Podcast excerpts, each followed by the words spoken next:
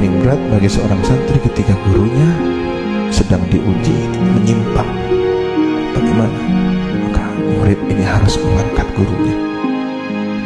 Doakan. Tidak sedikit kemudian guru itu terbimbing kembali ke jalan yang benar berkat doa murid-muridnya tapi jangan kemudian merasa murid paling benar. Guru saya sesat saya doakan ya Allah. Ini sombong di atas doa namanya. Guru saya sesat ya Allah. Hidayahkan ya Allah siapa kamu? Berdoa seolah-olah anda yang baik? Abu Yazid Muhammad Al-Maliki yang sudah kita husnudon semua. Aktab Anjab Sadat Ahbab sudah beliau tempuh lalui. Tetapi setiap menjelang tidur saksi mata teman kakak senior saya mendengar bagaimana lamat-lamat beliau tawassul kepada santri-santrinya. Ya Allah bijahi fulan, bijahi fulan. Disebutkan yang sudah pulang yang ada di sana di Rusaifah. Tawassul.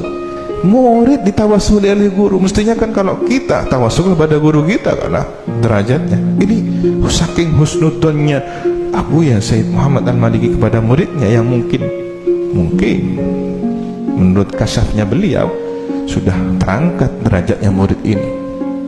Tapi kan gengsi kalau murid kemudian harus menjadi wasilah pada Allah hari datang murid ngajikan kok masa engkau antara panggilan di petang jangan pernah kemudian mengukur anda lebih hormat. Ya hati-hati guru sombong kepada muridnya ada. Ketika sudah merasa baik dari muridnya apalagi kemudian baru jadi ketua kamar. Kopi melihat jangan banget engkau engkau ketua. Ini sudah ini watak-watak begini ini bahaya ini.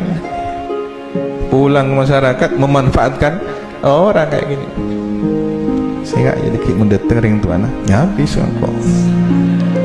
Ya hati-hati.